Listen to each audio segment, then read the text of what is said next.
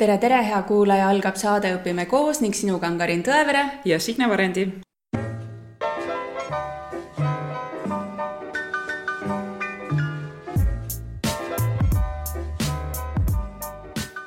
uuringute kohaselt kogeb umbes iga viies laps aasta jooksul koolikiusamist ja kui võtta kogu õpiaeg kokku, siis on kiusamisega kokku puutunud pooled Eesti õpilased. Aga räägime õpetajatest ka me kõik õpetajatena usume, et me märkame ja reageerime, aga tegelikult näitavad uuringud seda, et õpetajad märkavad kiusujuhtudest vaid neljandiku. tänases saates kohtuvad õpilane, õpetaja ja klassijuhataja. kuuleme noore neiu lugu aastatepikkusest kiusamisest, põhjustest ja tagajärgedest ning kuuleme ka klassijuhataja soovitusi. Tere, Natali! tere! aitäh, et võtsid vastu meie kutse saatesse tulla. ma usun, et äh, sul on kindlasti äh, omad mälestused sellest, kuidas oli sinu esimene koolipäev välja nägid ja võib-olla mäletad sa ka seda, et kui sa veel lasteaias käisid, et millised ootused sul kooliga seoses olid, sest sul on ju kaks vanemat õde. esimene koolipäev on absoluutselt hästi meeles. lasteaiast ma ma mäletan, et ma olin see hästi vaikne tüdruk, kes ootas, et noh, mis nüüd saama hakkab. mõtlesin, et nüüd ma olen suur aga mingit sellist nagu konkreetset mõtet mul peas nii väga ei olnud. aga ootasid kooli minemist? jah mm. -hmm. no milline oli esimene koolipäev, Natali? mäletan ainult seda, et me pidime kirjutama oma eesnime tahvlile ja ma ei teadnud, et kui sul on kaks eesnime, siis teine eesnimi on ka, siis see eesnimi ja pärast seda ma olin kõik üheksa aastat lihtsalt Natali ja keegi ei teadnud, et mul on kaks nime ja kuidas siis sealt edasi hakkas minema, et, et see esimene päev sai, see pidulik päev sai, sai läbi ja, ja jõudis kätte siis igapäevane koolis käimine ja õppimine? ma mäletan esimesest nädalast ühte asja, mul olid kaks klassivenda, kes mõtlesid, et hullult lahe oleks, et hakkame mingi mööda veerikut ringi käima. ja siis me käisime nende klassivendade pool, jõime halvaks läinud mahla ja see on enam-vähem viimane kord, kui mul oli nagu mingi selline, et ma olin nagu lahe või et keegi võõras oli mu sõber nii-öelda. ja mis siis juhtus, mis siis muutus? keegi ei tea. see tõesti on niimoodi, et ma olen hästi palju tagasi mõelnud, ma olen inimestega rääkinud, mitte keegi tegelikult ei tea, mis juhtus, lihtsalt ühest hetkest olin mina see, kes kellelegi ei meeldinud enam. ja kuidas see väljendus sinu jaoks, et mis siis, või tähendab, kuidas sinuga klassikaaslased käitusid? see oli hästi kuidagi selline, et mingist hetkest hakkaski vaikselt, et kas keegi ei valinud sind kuhugi, siis vaikselt hakkasid asjad kaduma.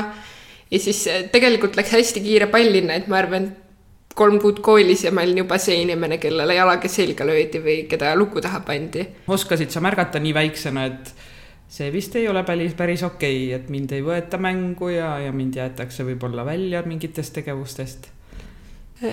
Ma mäletan, et ma kogu aeg mõtlesin, et okei okay,, mis mul viga on, et mis ma nüüd valesti teen. ma nii täpselt ei mäleta, ma lihtsalt mäletan, et kuidas ma ühe, ühest hetkest hakkasin nii palju kooli vihkama, et iga päev, kui oli koolipäev läbi, mu ema ootas juba, et millal see kõne tuleb, et mina helistasin talle, nutisin, ütlesin, et ma tahan koolist ära tulla. et see kuidagi läks sellise kiire pallina ja ühest hetkest see oli nii igapäevane probleem, et oligi kella pealt ema teadis, kuna see kõne tuleb ja aga kuidas, äh, kuidas see asi äh, õpetajateni jõudis, et kas õpetajad ise märkasid või, või sina rääkisid, andsid märku või, või ema kuidagi sekkus? mul on, äh, ma saan veel tagasi vaadata mingeid vanasid kirjasid, mu ema saatis peaaegu iga nädal mingile õpetajale kirja, rääkis probleemidest. üks põhi, kaks põhikirja on, et kuidas mind pallidega pähe peksti ja teine on ka see, kuidas mind garderoobis siis jalaga selga löödi ja hästi tihti ma mäletan, et me saatsime kirja ära. õpetaja ütles umbes, et ah, Natali sai valesti aru, et seal taheti mängida, aga ta siis võttis liiga tugevalt seda või midagi sellist. mingist hetkest me enam ei hakanud ka nagu õpetajatele otse kirjutama, vaid kas oligi, et ema võttis kellegi numbri, kas kellegi vanema numbri, helistas ise mingile õpilasele. et eh, see kuidagi oli hästi nagu mitte keegi siin öelda ei tegelenud ja me ei teadnud ka, et on mingi selline inimene nagu sotsiaalpedagoog olemas. et siis me üritasime hästi palju ise tegeleda ja ma tean, et mingist hetkest ma ka äkki mingi kolmas-neljas klass ma enam isegi ei tahtnud oma emale rääkida. sest et see oleks tähendanud, et ta jälle võtab selle asja kätte, ma teadsin, et see ei jõua mitte kuhugi ja see kuidagi tundus nii mõttetu et sa nägid seda, et ema on ka selles mõttes stressis selles on ju, et umbes, et noh, kurb ja jõuetu viha tekib on ju emale, et sul oli emast ka kahju ilmselt, et see, miks sa ei rääkinud? ma olen praegu oma emaga rääkinud, kes ütleb alati, et temal oli see, et ta elas seda hästi raskelt läbi, aga kuna mul oli koolis nii halb olla, siis ta pidi kõik tegema kodus, et nagu kõik oleks hästi korras. et ma ei tunneks ennast kuidagi kodus halvasti. Ja mingist hetkest ma hakkasin ka aru saama, et see on mu ema jaoks nii raske, et ma üritasin siis nii-öelda vähemalt tema eest seda varjata mm. -hmm ja ma tean, et see on mul siiamaani üks asjadest, et kui mul on mingi mure, probleem, siis mu ema ei ole esimene inimene, kelle juurde ma lähen mitte, et ma ei usaldaks teda, vaid et ma ei taha, et ta. sa kaitsed teda? jah. Aga kui algklassidest rääkida, et kas sa märkasid, et teisi sinusuguseid on veel, et äh, kedagi veel nagu tõrjutakse samamoodi nagu sind või sa olidki klassis ainuke, et nii, nüüd oli see, sina olid see märklaud ja kõik nooled olid sinu poole suunatud? ma ei olnud kindlasti ainukene, minu praegune hästi hea sõbranna oli teine, kellega oli täpselt sama asi et kooliaasta alguses kuidagi nagu ka öelda hästi halvasti, öelda hästi inetuid asju tema ema läks kooli ja pärast seda kuidagi asjad hakkasid nagu tema jaoks paremini laabuma, see lõpuni välja, aga minul oli kindlasti hullem ja mul oli füüsilisem. ja ma tean, et on mitu teist klassikaaslast ka, kes on täpselt samamoodi, aga lihtsalt siis, kes ongi natukene nii-öelda kergemalt või vähem füüsiliselt kas sinul oli ka sellist asja, et kui ema nagu proovis lahendada või, või kuidagi siis rääkida õpetajaga, et siis kuidagi klass tajus seda või sai aru, et, et proovitakse nagu muuta olukorda ja, ja teinekord isegi veel hullemini siis kiusati sind? ma ei mäleta, et see oleks kuidagi hullemaks läinud mm. -hmm. see kin-, see oli alati niimoodi, et kui see mingi mu emapoolne kõne või midagi toimus, siis see natukene aega oli rahulikum ja siis jätkus samamoodi okei okay,, et see ikkagi, ikkagi pigem aitas see, et mhm. ema, ema proovis sekkuda ja, ja seda noh, aidata siis sind ja lahendada. aga need põhikiusajad olid ühed ja samad? Need põhikiusajad olid alati samad lõpuni välja, aga mul pigem oli see, et klassis olid mingid inimesed, kes just toetasid nagu mind mm. -hmm. et olidki, et mingid klassikaaslased, kes siis nagu pärast kooli olid mu sõbrad või siis ütlesid kas kiusajatele midagi vastu et see ei olnud kindlasti kogu klass. aga koolis olles siis äh, võib-olla kuidagi ei juletud äh, nendele kiusajatele siis äh, sinu kaitseks välja astuda või? no neid, kes julgesid koolis midagi öelda, oli väga vähe mm. -hmm. ja see oli ka, et nad tegid seda korra kaks, ei aidanud ja siis see kuidagi jälle tundus nagu mõttetu. aga kas sa nüüd tagantjärgi vaadates seda, et ähm, kas õpetaja nagu vähemalt püüdis või üritas midagi klassiga teha, et nagu selles mõttes, et kuidagi ühtseks äh, klassiks kasvatada või oligi see, et noh? no algklasside õpetajaga oli täiesti niimoodi, et ta minu silmis ta siiamaani ei üritanud. et äh, ma mäletan, meil oli teises klassis vist loosisime aasta lõpus, et äh, tüdrukud-poisid peavad kõrvuti istuma ja mina sain oma selle nii-öelda põhikiusaja kõrvale, kes hakkas nutma, kui ta pidi minu kõrval istuma. ja seesama klassijuhataja tegi veel tutipäeval selle üle nalja, et aa, et näed, et ta alguses kartis Natali kõrvale istuda, aga nüüd nad on nii head sõbrad. ma mõtlen, kas ta tõesti ei saanud aru või mis tal sellega oli, aga et jah, ta nagu, tema jaoks ei olnud probleem ja ta kuidagi nagu ei teinud otseselt midagi tegelikult äh, ma olen juba Nataliga rääkinud sellest äh, siis perioodist, kui mina sinu klassijuhataja olin, et neljas kuni kuues klass. aga võib-olla on veel mingeid selliseid äh, huvitavaid asju, mida, millest me ei jõudnud rääkida, aga kuidas siis see periood sinu jaoks kulges, et et ma saan aru, sa ütlesid, et ikkagi kiusamine kestis ju terve põhikooli vältel, et milliseks see muutus siis seal teises kooliastmes, mis jäi ära võib-olla, mis tuli asemele või tuli juurde, läks hullemaks, läks paremaks? No oligi neljandast läks kindlasti kõik paremaks. et see kõige tähtsam asi oli see, et oli näha, et keegi üritab. et vahepeal need rõhud võib-olla olid valesse kohta suunatud, midagi sellist, aga et keegi on olemas ja et keegi päriselt nagu tahab midagi muuta Mm -hmm. see oli kõige sellisem olulisem asi. aga mis selle oluliseks aga... võib-olla tegi, kas siis ongi see tunne, et sind on märgatud, et lõpuks ometi keegi nagu märkab ja tegeleb või, või mäletad sa seda, et, et mis, mis tunde see sus tekitas siis? et ma ei olnud enam üksinda mm. -hmm. ma tean, et mul oli alati mu perekond olnud, aga et keegi nagu kas vaikselt hakkas uskuma, et midagi on valesti või nagu et see on tähtis, et keegi usub -hmm. sind, et, et võib-olla jäi mulje, et mind ei usuta, et ma räägin, et toimub, aga et ah, Natali sai valesti aru jah, et. no siinkohal meenutan mina seda, et noh, kuna me olime nii-öelda peaaegu korrusenaabrid, siis äh, ma mäletan seda, et kui ma sinu juurde vahest tulin, siis äh, piilusin ukse vahelt sisse, siis Natali rääkis sinuga selga, siis ma panin ukse kinni ja siis oli olid ikka pikad vestlused teil vahepeal no mina ikka mäletan jah, neid selliseid pealetunde istumisi ja, ja rääkimisi üks-ühele ja, ja baaris ja, ja grupis ja kuidagi sellist, et ma saingi aru, et et midagi on juba enne minu siis arvamist, enne kui mina su klassijuhatajaks sain, et midagi on toimunud, midagi on lahti, mille, mida ma ei tea, mida ma tunnetan ainult ja näen läbi mingisuguste käitumiste. ja, ja see võttiski nii kaua aega, et, et aru saada, et mis siis nagu, mis see ajalugu kõik on, et millega ma nüüd siis tegelema pean hakkama ma küsin vahepeal, et kui sa klassi said, kas äh, siis eelmine õpetaja rääkis sulle ka, et et mida tema märganud on ja, ja näinud ja tundnud ja teinud äh,? ei, sellist nii-öelda noh, et äh, üleandmist, et vot need õpilased on nüüd sellised, äh, see on see, mis on probleemiks praegu, sellega ma olen tegelenud, et noh, sellist põhjalikku nagu ettevalmistust ei olnud. ma arvan, et sellepärast, kuna ma ju tegelikult olin ka aineõpetajana, inglise keele õpetajana algklassides juba olnud, et ma noh, teadsin seda klassi aga huvitav ongi see, et kui mina sellele ajale tagasi mõtlen, kui ma olin ainult aineõpetaja ja, ja siis ma, vot ka ma seda perioodi ei mäleta niimoodi, et, et ma nagu ei märganud klassi, aineõpetajana samuti sellist äh, käitumist seal klassis. et see tuli alles ilmsiks siis, kui ma klassijuhatajaks sain kuna ma olin siis alles alustav õpetaja, te olite esimene klass, kelle ma sain ja õpetasin ja, ja ma arvan, et mu fookus oli aineõpetajana no, oligi ainult selle aine õpetamisel ja, ja see, mis klassis toimub, see jäi kuidagi kõik täiesti minu, läks üle pea minust nii-öelda ja alles siis, kui ma sain teie klassijuhatajaks, siis ma hakkasingi nagu aru saama, et okei okay,, midagi on siin, midagi on siin nagu lahti, mis vajab mu tähelepanu ja siis alles kõik see kiusamise teema ja, ja koolitused kiusamise teemal, et, et siis läks minu jaoks see pall veerema.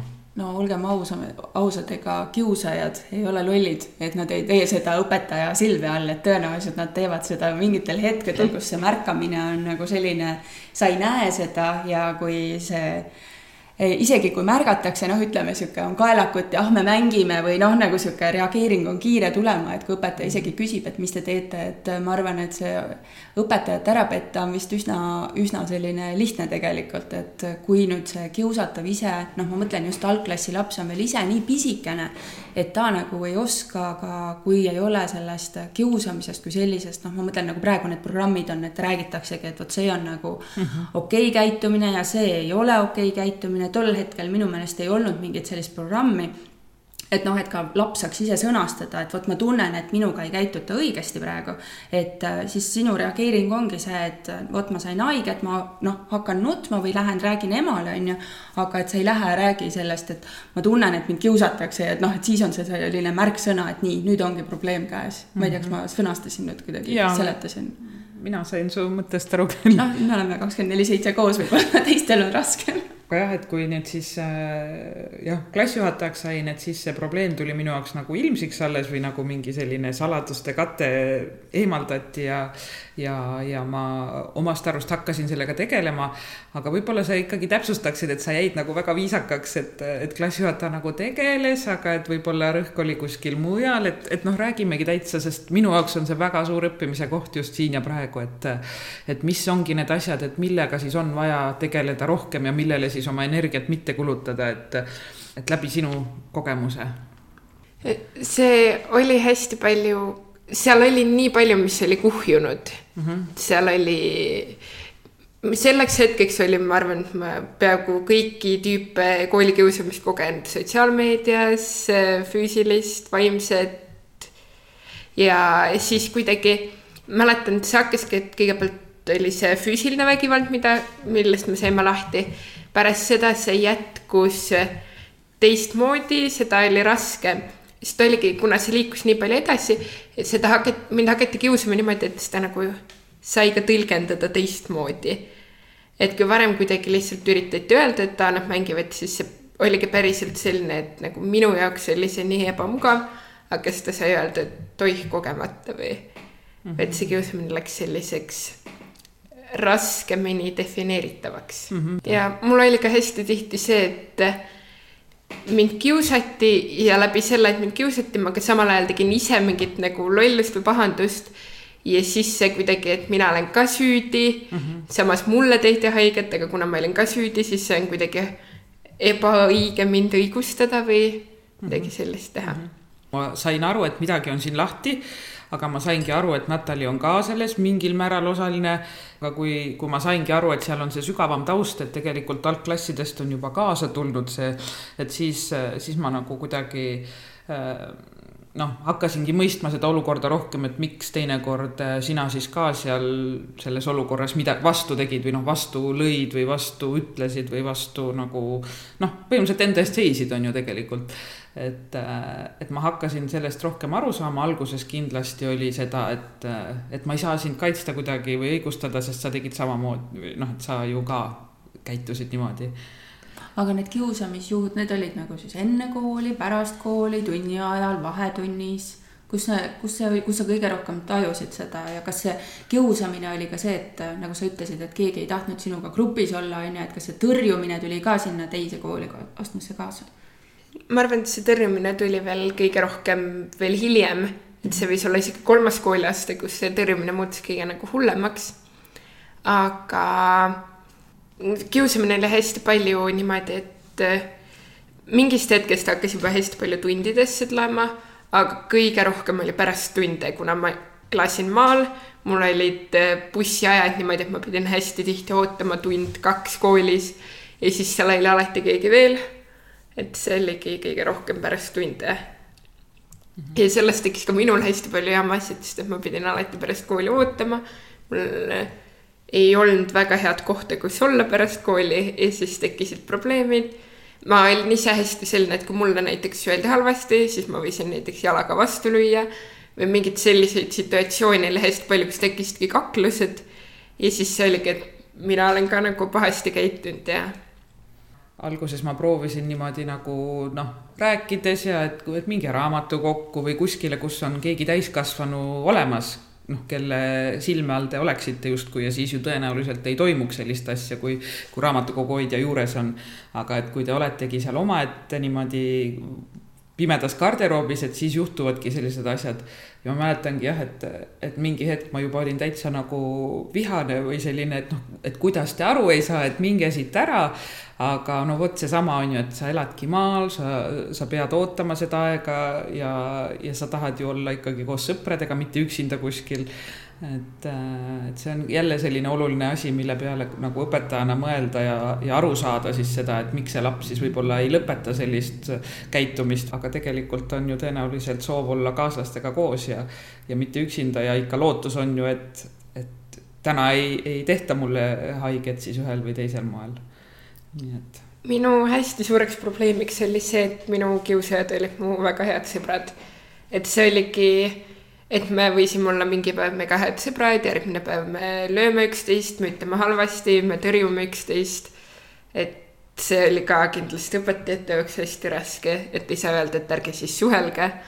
ja minu jaoks ka, et ma ei saanud ka ise aru, et mis toimub ja et miks vahepeal on nagu halvasti ja vahepeal ei ole mm. -hmm aga siit tuligi natuke nüüd selline teine, teine asi juurde, et sa ütlesid, et me tegime üksteisele, et kas see teine kooliaste oli siis aeg, kus kus nii-öelda äh, ka sinust sai kiusaja et, äh, et sa mitte lihtsalt ei hakanud vastu või noh, nii-öelda seisma enda eest, vaid sa hakkasid siis ka ise kiusama. ja ma tean, et minus oli hästi palju seda nii-öelda viha ja minu jaoks oli see normaalsus, et keegi lööb, ütleb halvasti ja see kuidagi nagu. kuna mina olin nii palju haiget saanud, ma tahtsin, et keegi saaks veel haiget. sest ma tundsin, et see on kuidagi ebaõiglane, et mina nagu peame kannatama, mis ei ole, mis ei õigusta mitte kuidagi. aga samas, et see oli nii raske kuidagi läbi elada ja siis see tundus ka minu jaoks, kuna oligi teine kooliaste, hakati tegelema probleemidega mm. -hmm. ja alati, kui mina tegin midagi halvasti, siis ma pidin vastutama ja minu jaoks oli see nii ebaaus. et kui varem oli niimoodi, et sa saad halvasti teha, mitte keegi ei vastuta selle eest ja siis üks hetk hakkasin mina vastutama ja mina tundsin, et see on kuidagi nagu eriti minu nagu probleem, et, et kõigepealt mind kiusatakse, siis mina hakkan nagu nii-öelda karistada saama mm. -hmm. mis tegelikult noh, igati tuleb karistada või välja tuua. aga ongi, et kuna see varem ei olnud toimunud, siis see oli mm -hmm. raskem.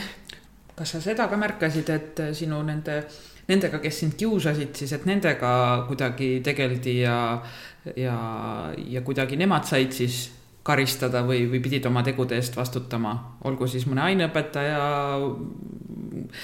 tunnis või, või siis minu kui klassijuhataja tunnis näiteks Neid kindlasti hakati ka rohkem nende peale tähelepanu pöörama ja nendega tegelema.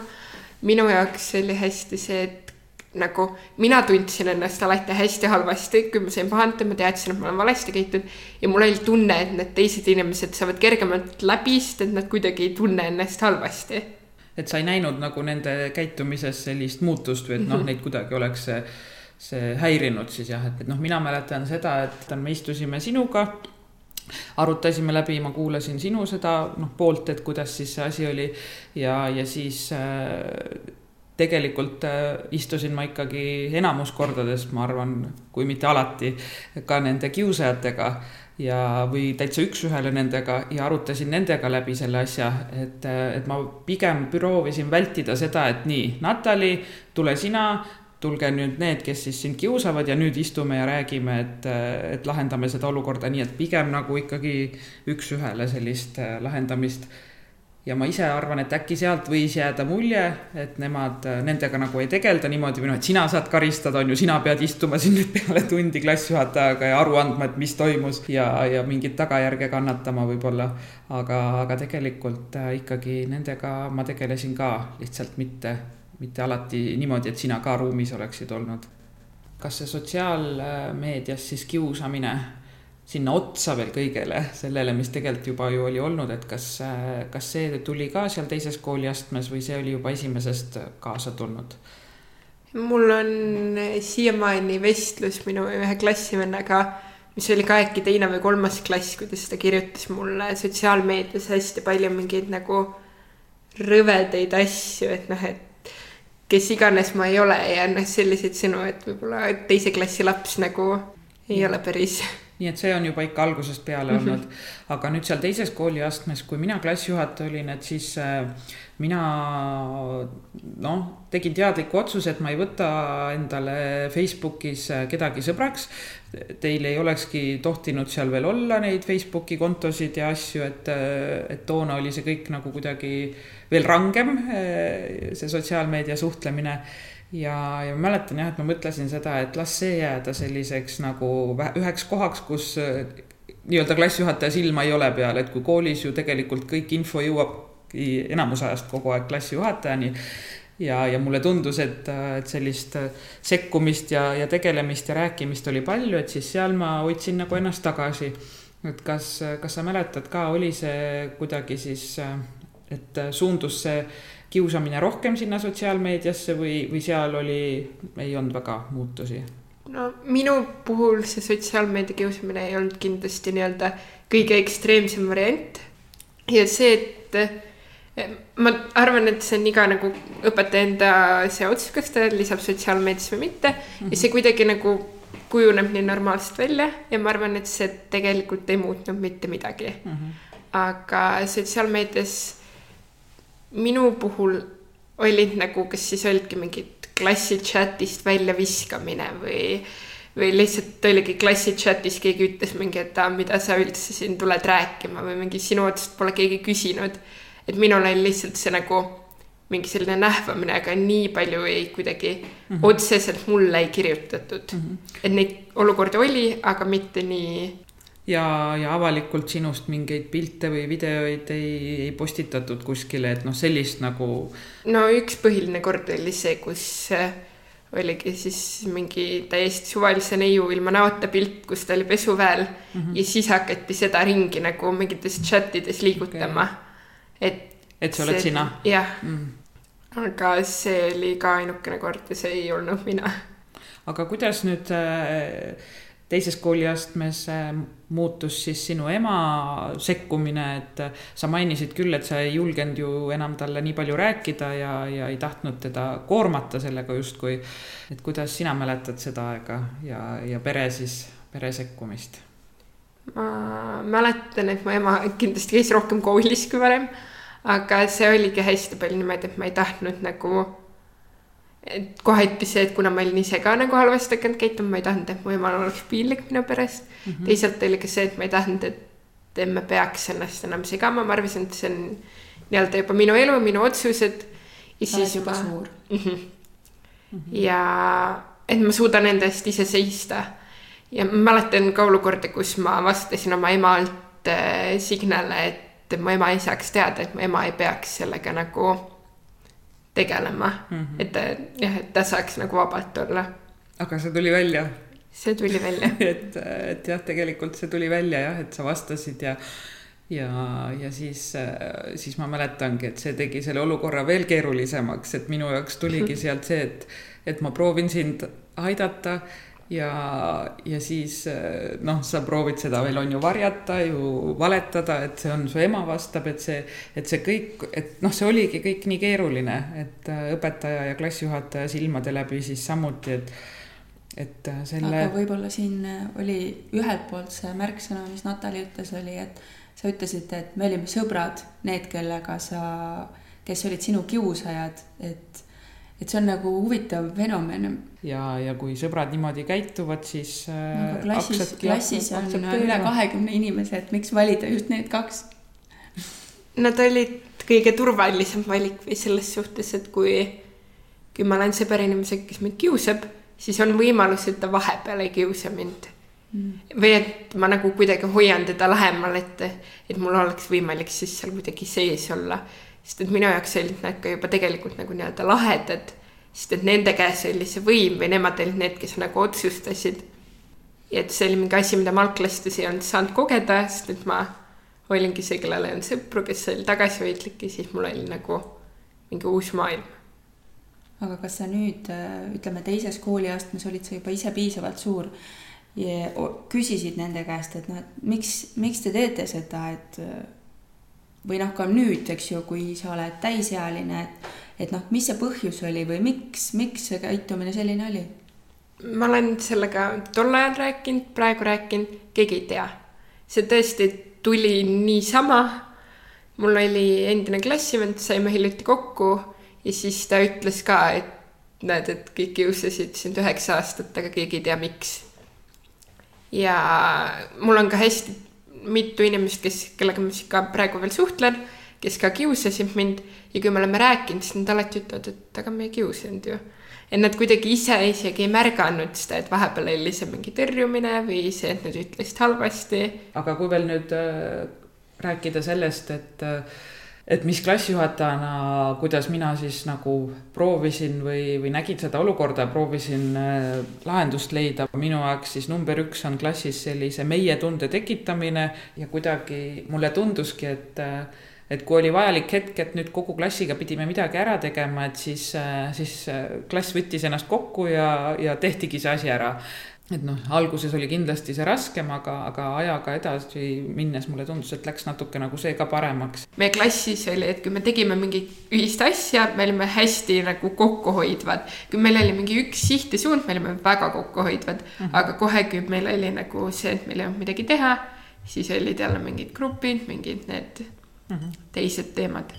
no aga siis see oli, see teine kooliaasta oli ka see aeg, kus äh, siis tulin mina ka mängu, ma olin ka teie õpetaja, et äh, ja ma mäletan seda, et ähm, et kui koolis olid mingid äh, üritused, siis sina leidsid enda jaoks fotograafia ja sa hakkasid pilte tegema. Ja kui võimalik, siis me ikka huvijuhile ütlesime, et Natali võib pildistada, ma mäletan neid äh, fotoseinu ja asju, et me üritasime nagu leida sulle nagu väljundit, et, et sa ole, et sa tunneksid, et noh, et sa oled väärtustatud, et sa ei ole lihtsalt niimoodi lükata, tõmmata, teha, eks ju, et, et oli see väljund. Ja siis ma mäletan, et kas teie olite see klass, kes tegi seda digipööret ka ei teinud, aga Natali hakkas kirjutama ju raamatut, vist oli mingi keskkond ju mm. -hmm. et äh, ma mäletan, et äh, Signe, sina olid hästi uhke, et jess, et Natali on leidnud mingisuguse väljundi, et äh,, et noh, et neid äh, asju me nagu jagasime, et noh, me omavahel rääkisime mingeid asju, et mis on nagu, et noh, kuidas nagu aidata või nagu noh, toetada et... neid lapsi, et, et kas sa ise nagu tundsid, et see fotograafia näiteks, kui tuli su ellu, et midagi muuti, muutis, et noh, et kas sa tajusid seda, et vot, see on nüüd nagu mingi pääsetee? absoluutselt. see ongi kuidagi, ma leidsin mingi selle enda eesmärgi, mul oli midagi teha, ma olen siiamaani hästi suur korraldaja ja siis mul oligi kogu aeg see võimalus, et ma sain korraldada, ma sain pikemalt koolis olla, mul oli põhjus selle jaoks mm. -hmm. ja see oli hästi oluline ja, ja vaatasid siis äh, klassi ja koolikaaslased sind natuke ka teise pilguga, et äh, kuna sa tegidki pilti ja, ja tegid ju häid pilte, ilusaid pilte, et siis äh, olid nad nagu, et vau, et noh, avastasid mingisuguse ande sinus ja selles mõttes, et, et issand, et miks me Nataliga niimoodi oleme käitunud, ta on ju suurepärane kindlasti mingil määral inimesed olidki, mulle hakati rohkem minuga rääkima mm, -hmm. et kuna ma olingi mingitel üritustel alati kohal, siis minuga suheldi rohkem.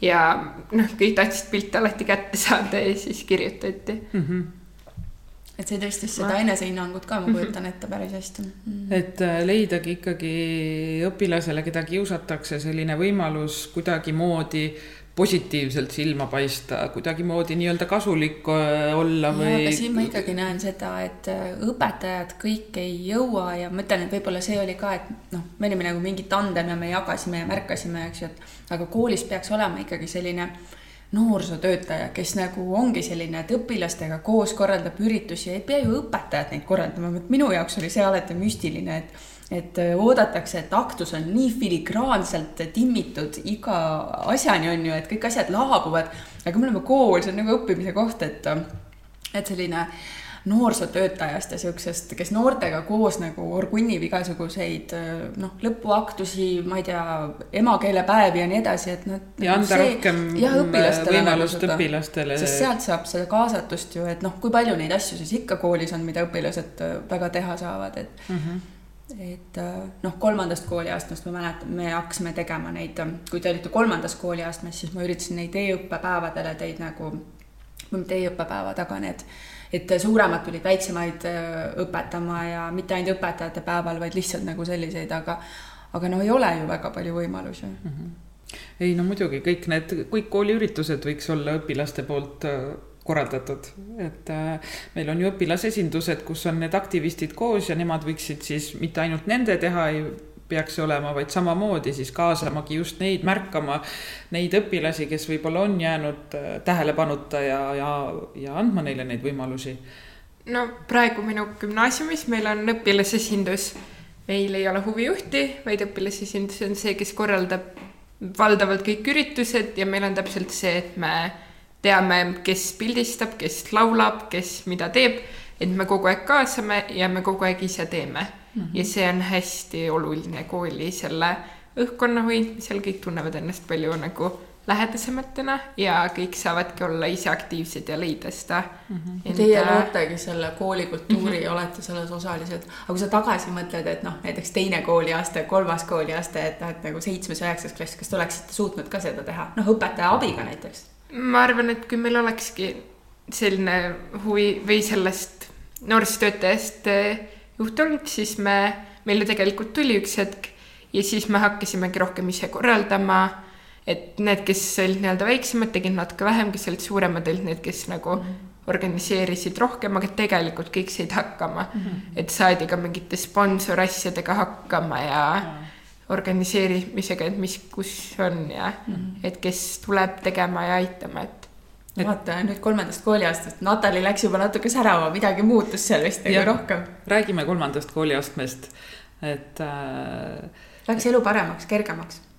see läks, meil tuli uus klassijuhataja kellega oli see kõige suurem vahe, et kuna ta oli ka võõras klassijuhataja, et ta ei teadnud meie kohta mitte midagi siis me olime kõik nagu nii-öelda alustasime puhtalt lehelt ja saime olla nagu meie ise. me pidime suuremaks kasvama, sest et meil ei olnud enam klassijuhatajat, kes teeb kõik ette ära, vaid me hakkasime ise korraldama, me lõpuni välja ise korraldasime ka. ja me kuidagi, jällegi me saime suuremaks, me muutusime hästi palju vabadamaks, vabamateks. me saime, meie klassijuhataja oli hästi selline, kes oli nagu hästi avatud selle jutuga, me saime kõigest rääkida. selles suhtes ma arvan, et see oli kõige parem üleminek, et me olimegi ise vanemad ja meil oli see nagu põhi ette antud, meil olid ootused, mida me pidime hakkama ise täitma mm. -hmm et teile anti nagu seda vabadust ja saite iseseisvalt nii-öelda tegutsema mhm. hakata. aga ometi sa oma blogis ju kirjutasid, et see kiusamine ei lõppenud. siis äh, muutuski kõige rohkem selliseks, et mingil määral sotsiaalmeedias, et tuli see, et lihtsalt oligi mingid nagu hästi väikesed kommentaarid kuskil keset vestlust. ja oli, ma mäletan, kui oligi, et ma ütlesin midagi klassi chat'is näiteks, keegi vastas mingi nagu sellise asjaga, et mida sa siin üldse tuled ütlema ja siis keegi vastas ha-ha-ha, siis see oli minu jaoks nii nagu selline valus või ma mäletan, kus ma alati hästi nagu mõtlesin läbi, et kas ma nüüd ütlesin midagi valesti, kas ma peaksin üldse mitte midagi enam ütlema mm. -hmm. aga äh, hästi palju hakkas koolis olema see tõrjumise teema, et oligi, et lähed kooli, siis vaatad hommikul teiste nägudest ära, et kas ma täna olen üksinda või täna on mul sõbrad ja siis tuli ka hästi palju neid nii-öelda teistest klassidest inimesi. Ma mäletan, et olid aastavanemad tüdrukud, kes hakkasid lihtsalt mind ja paari mu sõpra paksudeks lehmadeks kutsuma. sellel ei olnud mitte mingit alust, meil ei olnud nagu otseselt mitte mingit tüli olnud, aga see tuli lihtsalt niimoodi. mäletan, et tulid ka paralleelklassi kutid, kes hakkasid nagu välja mõtlema asju ja oligi see pilt, mis minust jagama hakati see, kuidas mind sööklas kutsuti ja mm -hmm. Et see oli nagu see rõve pool ja olidki, et kuidas sõnad läksid jõhkramaks ja. aga kuidas siis äh, klassikaaslased äh, käitusid, kui see kiusamine läkski klassist välja hoopis siis koolikaaslaste juurde, et kas kuidagi nemad astusid su kaitseks välja või jäid nad pealtvaataja rolli see hästi olenes, mingil, mingites olukordades oli nagu see, et sul oli kogu aeg keegi selja taga, aga teised olukorrad olidki see, et keegi kuskilt mujalt ütleb midagi ja siis kõik naeravad. -hmm. et see hästi paljud mõtlesid ka, et see ei ole midagi halvasti, et et see ongi nali. aga tegelikult, kui sulle igapäevaselt öeldakse mingit asja, siis see ei ole liiga naljakas mm. -hmm et teised võib-olla ei saanudki sellest ka, sellest tõsidusest aru või noh, tunduski jah, et see on ju kõik nali, aga et, et kuidas see tegelikult sind mõjutab, kui sa igapäevaselt kuuled selliseid kommentaare enda kohta, et, et see teeb ikkagi väga haiget ja enesehinnangule mõjub väga-väga halvasti kui palju sa kolmandas kooliastmes võib-olla väljendasid seda, et noh, arvestadaski seda, et sa olid nüüd suurem, sa olid nii kaua kogenud seda, et kas, kas kuidagi seal sa proovisid veel kord ise lahendada või sa olidki leppinud sellega, et see on noh, see ongi minu elu ja, ja nii ongi, et mul ei olegi nagu lootust sellest olukorrast pääseda ma hästi palju hakkasin nagu kuidagi teadvustama seda mm. -hmm et ma hakkasin aru saama, mis toimub, ma hakkasin inimesi siis kas nii-öelda välja lõikama, et ma hakkasin enda eest rohkem seisma mm, -hmm. aga see oli kuidagi teadvustatum mm. -hmm. et mitte lihtsalt, et mulle öeldakse halvasti, ma löön jalaga, on ju, nii nagu väiksena, vaid et, et sa saadki aru, on ju, et ahah, mulle nüüd öeldi, see on korduv ja, ja kuidagi, kuidas, kuidas sa reageerisid siis, mis, kas sa ütlesid midagi vastu või sa siis vältisid, ignoreerisid, et et mis see õige, õige sinu jaoks oli? mingi hetk ma tegin mingi sellise nipsakama nalja vastu, vahepeal ma siis noh, oligi, kuna mul oli lihtsalt fotograafia pool, siis ma sain sellega nii-öelda inimestele nagu vastu teha, et näed, kui sa minuga väga halvasti käitud, ma ei saada sulle neid pilte, mis ma tegin sinust mm. -hmm. ja nii edasi, et ma hakkasin nagu enda poolt nii-öelda teeneid kinni keerama, et ma nagu ei teinud kellelegi midagi head mm. -hmm et ma nagu otseselt ei teinud halba, aga mm -hmm. samas, et ma nagu ei andnud neile mingeid privileege, mis minuga kaasa tulevad. aga kolmas kooliaste, veel kord nüüd, kui räägime siis kodusest olukorrast ja, ja, ja lapsevanema sekkumisest, et kas, kas kolmandas kooliastmes ka kuidagi veel vanemad õed või ema proovisid äh, sekkuda või siis sa olid juba täiesti, et see on mina, noh, ma olen suur ja ma ise pean hakkama saama no kooli ja perekonna vahel minu arust kadus see suhtlus enam-vähem täiesti ära uh. -huh. aga selles suhtes, et mingil määral ma ikkagi läksin emaga rääkima, aga see oligi niimoodi, et ma rääkisin nõmedast olukorrast, mis oli juhtunud ja siis ma analüüsisin seda uh. -huh. Läksingi, et kui mulle klassi chat'is halvasti öeldi, ma läksin, rääkisin oma emale, rääkisin, miks see vale on, mida ma tunnen uh. -huh. et mul oli ikka nagu tugi olemas, aga see kuidagi -huh. oli, et ma seisan enda eest ja ma olin ka arukam mm. -hmm no aga perekonnas ikka ju selles mõttes tuleb jutuks selles mõttes, et kui kellelgi on mingi mure, siis kõik üritavad mingit lahendust otsida, et sul olid vanemad õed ka, et kas nemad ka andsid mingeid soovitusi, et mida teha või kuidas, kuidas aidata iseennast või võib-olla nad nagu aitasidki kuidagi sul üle saada ja olla nii tugev? Nad on väga palju teinud, ma niimoodi ei oska hullult välja tuua, me olemegi mingi hetk oli ka see, et noh, me olime kõik sellises eas, et noh, mina olin väike tüütu õde ja siis me vahepeal tülitsesime, aga et nad on alati mul olemas olnud. mul oligi, ma sain hästi palju käia Tallinnas vanemõe juures ja need olid need hetked, kus ma sain nagu kogu selle halva maailma välja lülitada. et ma olin mina ise, ma ei pidanud kellelegi ees tegema mingeid nii-öelda, kellegi ees valetama ennast teistsuguseks, et ta mind aktsepteeriks. et siis ma saingi ja nad kuulavad mind alati, mis on kõige tähtsam, sest et ma olen see inimene, kes tahab kõik südamelt ära rääkida ja kes räägib hästi palju ja nad on, kuulavad mind ja on olemas mm. -hmm et tõenäoliselt äh, tänu ikka oma väga toetavale perele sa täna oledki nii särav ja, ja, ja, ja oskad äh, rääkida sellest ja julged rääkida ja analüüsid, äh, mis sinuga juhtus ja, ja et kuidas sa ise käitusid ja kuidas sinuga käituti, et ma arvan, et neil on nagu väga suur roll selles osas, et aga miks ma just seda pere sisse tõin, oli see, et noh, mingites äh, lugudes äh, lapsed ju vahetavad kooli, et, äh, et kas see käis ka teie perest läbi, et võib-olla vahetada kooli, et, et see seltskond siin ei ole minu jaoks, ma ei sulandu siia niimoodi ja ikkagi see kõik jätkub, et klassijuhatajad vahetuvad ja, ja midagi justkui ei muutu, et kas selline optsioon oli ka teil? Mina tahtsin väga pikalt kooli vahetada mm. -hmm. ma arvan, et kuni kuuenda-seitsmenda klassini ma rääkisin hästi tihti, et ma tahaks teise kooli minna. aga mu ema oli hästi kindel, ta ütles, et ei, me ei vaheta kooli, mis seal parem on. ma isegi ei tea, mis ta see nagu täpne põhjus oli mm. -hmm. aga jah, see oli nagu kõige rohkem emme otsus. muidu ma ilmselt oleksin enda põhjal oleksin juba vahetanud aga kui sa nüüd tagantjärgi mõtled, oli see siis õige, vale, oleks ema pidanud sind võib-olla kuulama selle koolivahetuse osas või noh, see on niisugune spekulatiivne, kui sa tagantjärgi lihtsalt mõtled. mul pole õrna aimugi.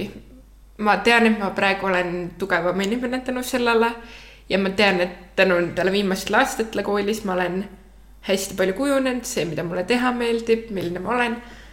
et ma ei kahetse, et ma jäin aga võib-olla oleks olnud parem teises koolis. tegelikult see puhas leht ju tuli siis nüüd äh, kõige viimasena siis gümnaasiumisse astudes, et kus sa siis äh, ju jätkasidki uues kollektiivis täiesti üksinda, et mitte ükski endine klassikaaslane sinuga ühte rühma ei sattunud. et kas see on nüüd see koht, kus sa siis tõeliselt saad olla sina ise ja, ja särada täpselt sellisena, nagu sa oled ja, ja sind ja öelda meile, et mind enam ei kiusata. jah, et mind hinnatakse ja väärtustatakse ja minuga tahetakse koos olla. kui te küsisite enne minu esimest põhikoolipäeva, siis ma mäletan gümnaasiumipäeva nii selgelt. mäletan, kuidas ma nii hullult kartsin, ma tõesti, ma läksin suurema ringiga kooli, et ma ei peaks liiga kaua ootama. aga kohe, kui ma läksin, ma teadsin, et mitte keegi ei tea mind, see on minu võimalus ja ma tahtsin teha ja siis ma läksingi, ma läksin kohe, ma tundsin piltide järgi uued klassikaaslased ära, läksin rääkima. ja ma olen hiljem rääkinud uute klassikaaslastega ja nad arvasid kohe, et ma olen liiga lahe, et minuga suhelda. et nagu ma sain kõigiga läbi, ma hakkasin kohe rääkima, aga et nii mitu inimest on öelnud, et kuna ma olin nii aktiivne ja ma tahtsin teha ja ma olin kogu aeg nii rõõmus ja selline. et nüüd on sul kõik hästi? nüüd on mul kõik hästi. aga gümnaasiumis, kas sa näed, et on keegi, kellel ei ole võib-olla nii hästi, et ta ei ole kohanenud? Meil on kindlasti tagasihoidlikumad inimesed, meil on inimesed, kes ei ole nii nagu avatud või kiired kohanejad, aga ma ei, vähemalt ise ma ei tunne, et keda, keegi oleks kiusatud. meil kindlasti on need inimesed, kelle pihta tehakse vahepeal mingeid nalju, aga need on alati need inimesed, kes on nagu need hästi ise välja, väljapoole inimesed, kes teevad iseenda pihta ka nalju, et kes teevad mingeid lollusi, et mul üks klassivend esimesel koolipäeval vigastas ennast ventilatsioonitoruga ja siis nüüd tema üle tehakse nalja, aga see on nagu selline sõbralik ja mitte keegi ei tunne ennast halvasti kas sa oled kindel selles, ma küsin kohe siia vahele, et, et kas äh, selles mõttes, kui, kui sina enda peale mõtleksid, et sa põhikoolis midagi tegid ja, ja kõik justkui naeravad ja sa ka naerad, et tihti vaata selline no kaasanaermine on, on nagu. kaasaminemine. jah, et ma nagu üritan petta, et see ei häiri mind, aga tegelikult südames me ju ei tea, kuidas ta ennast päriselt tunneb. et kas, tähendab, et kas sa nagu mõtled nüüd selliste asjade peale, kuna, kuna sa ise oled sellise kiusamise läbi elanud, et, et okei okay,, et mis, kust see piir nüüd läheb, et kas see on ikka, et me naerame kõik koos või me ikkagi naerame tema üle et äh, oskad sa nagu märgata selliseid olukordi? vähemalt noh, ongi, et ma ise tunnen, et need on need inimesed, kes nagu mm -hmm. teevad ka ise nalja enda üle ja kuidagi on sellist vabamad, et, et ongi, et keegi ei kiusa kedagi sellepärast, et ta on mingi tagasihoidlikum või midagi sellist mm, -hmm. vaid ongi kuidagi nagu need oma ringid, mis on tekkinud mm. -hmm. Et see on ka ajaga kujunenud, et kelle kallal nagu käib see mm. -hmm see on siis nagu sõbralik selline lõõpimine või et yeah. nagu, et, et mitte otseselt siis kiusamine, pahatahtlik selline mm -hmm. kellegi üle naermine. ei aga... tehta ka nagu mingeid halbu kommentaare, et mm -hmm. kedagi nagu mingi.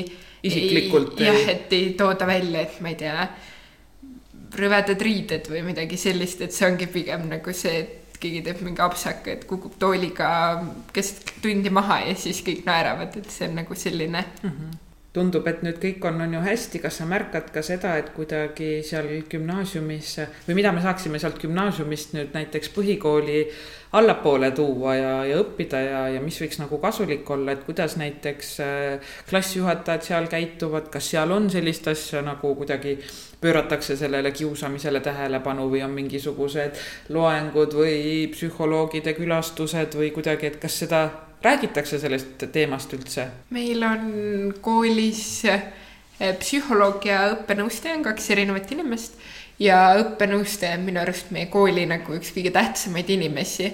et ta on see inimene, kelle juurde saab minna, kui sul on mure, teda saab alati usaldada, ta on õppimisega, et ta alati toetab, meil ei jäeta mitte kedagi kunagi niimoodi, et on täiesti nagu viimasel piiril oma nende õppimismuredega, et siis alles hakatakse tegelema vaid kogu aeg ongi niimoodi, et kui kellelgi on juba natukene mingi selline kahtlasem hinnete seis, siis nagu räägitakse, aga mitte ka, et pahandatakse, vaid ongi, et mhm. toetatakse. et see kuidagi, et ongi, meil on õppenõustaja, kes on eriti selline tähtis inimene.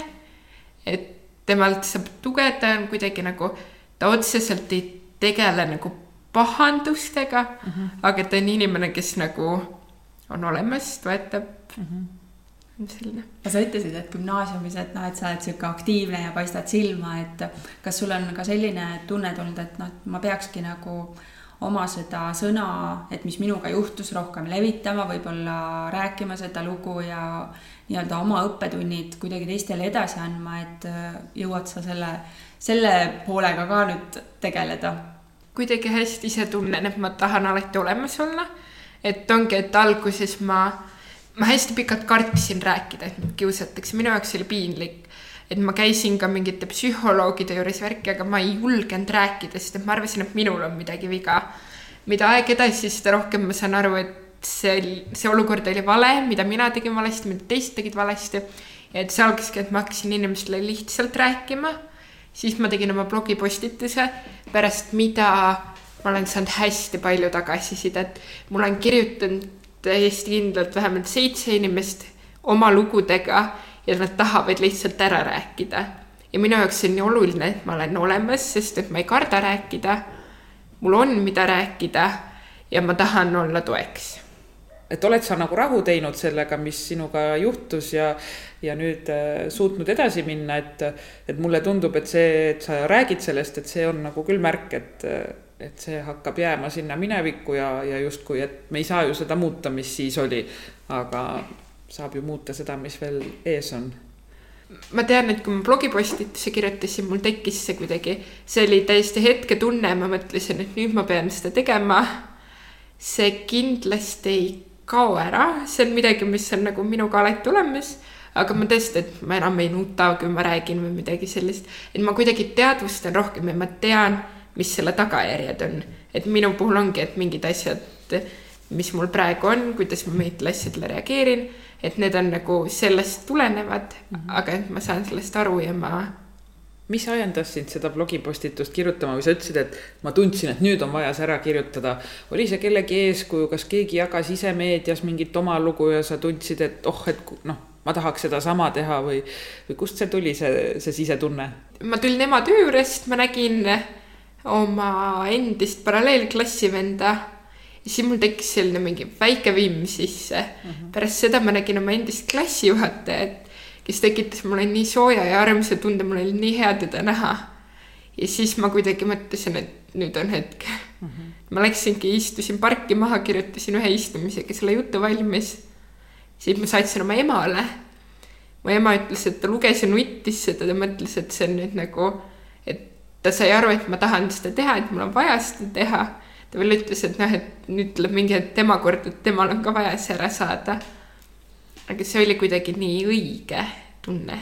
olete te perega nüüd ka kuidagi peale seda blogipostitust, mis on saanud natukene suuremat tähelepanu, et äh, olete kuidagi pere keskel ka õdedega või emaga veel koos siis istunud ja, ja rääkinud selle, selle läbi ja ja, ja tegelenud sellega?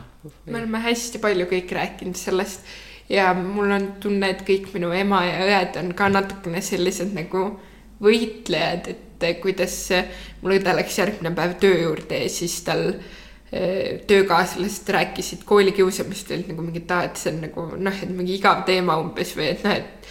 et alati on kiusatud, on ju. jah, et see on ka vanemate süü, et lapsi kiusatakse ja siis mu õde ütles ka, et ei mm. -hmm. Me kuidagi kõik tunneme, et see on meie lugu mm, -hmm. et me tahame sellega võidelda mm. -hmm ja, ja mina arvan, et selliste lugude jagamine, sellest rääkimine mitte ainult ei, ei annagi jõudu siis äh, sulle endale juurde, vaid äh, aitabki neid, kes praegu seda kogevad veel siiamaani ja mõtlevad tihti, et nad on üksinda.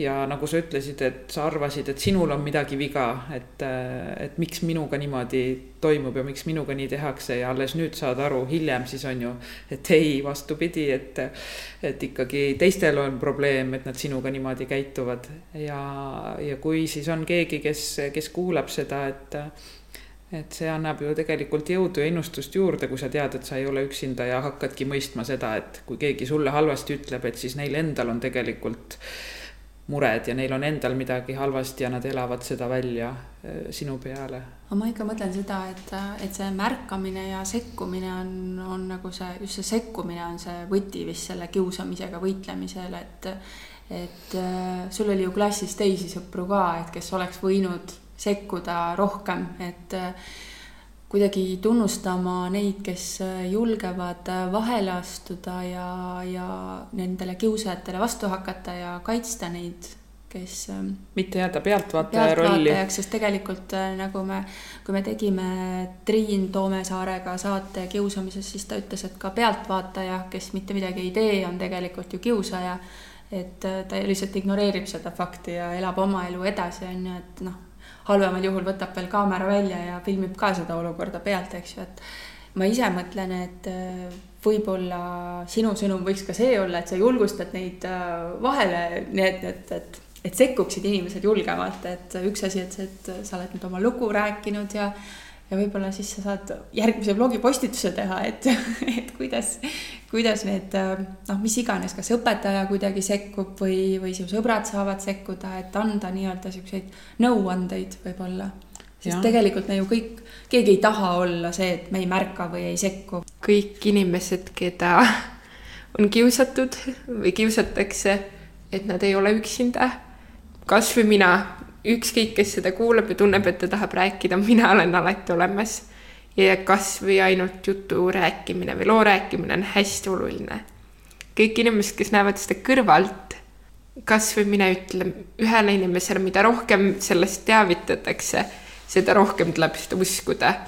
et kui minu puhul oligi, et noh, et kui ainult mina siis nii-öelda virisesin, siis see oli, et ah, sa saad valesti aru. aga kui oleks keegi läinud veel, kui oleks kaks inimest läinud veel ütlema, et kuulge, teda kiusatakse. ma arvan, et siis oleks juba pidanud natukene tõsisemalt asja kätte võtma, et kui keegi veel näeb. ma tean, et mingi hetk see läheb paremaks, see läheb alati paremaks, aga kõige rõvedam asi, mida öelda, on see, et kannata ära aga lihtsalt tuleb leida mingi see enda asi, mina leidsin fotograafia, mul oli see minu asi, millega ma olin eriline, mida ma sain teha, nii, et ongi vaja leida mingi see muu suund kuskil mujal ennast välja elada, et oleks olemas midagi, mida saaks teha. ja kõik, kes kiusavad, peaksid ka minema rääkima kellegagi, sest et ma tean enda puhul, et mina ei tundnud ennast hästi, kui ma kiusasin, ma ei tahtnud seda teha. aga seal alati oli mingi põhjus, mis, miks ma tegin, mul oli kas mingi mure, mingi probleem. ma tundsin ennast halvasti. et kui sa ei ole õnnelik sellega, mida sa teed, siis mine ja otsi keegi, kellega rääkida. Need inimesed on alati olemas. aga aitäh, Natali, et sa jagasid äh, meiega oma lugu, mis oli, oli kurb, aga on saanud õnneliku lõpu ja ma loodan, et sinus on seda julgust ja särtsu ja seda tugevust, et äh, olla toeks siis nendele, kes, äh, kes vajavad sind. aitäh, Natali! Rõõm oli minupoolne. järgmise korrani! Kuulmiseni! Kui sinagi said koos meiega täna uusi mõtteid ja inspiratsiooni, siis anna taskuhäälingule hoogu juurde, likei, jaga ja kommenteeri meie postitusi sotsiaalmeediakanalites kui soovid taskuhäälingut Õpime koos toetada, siis täname sind annetuse eest MTÜ Tartu Loomemaja arveldusarve kontole. kõik vajalikud lingid leiab saate kirjeldusest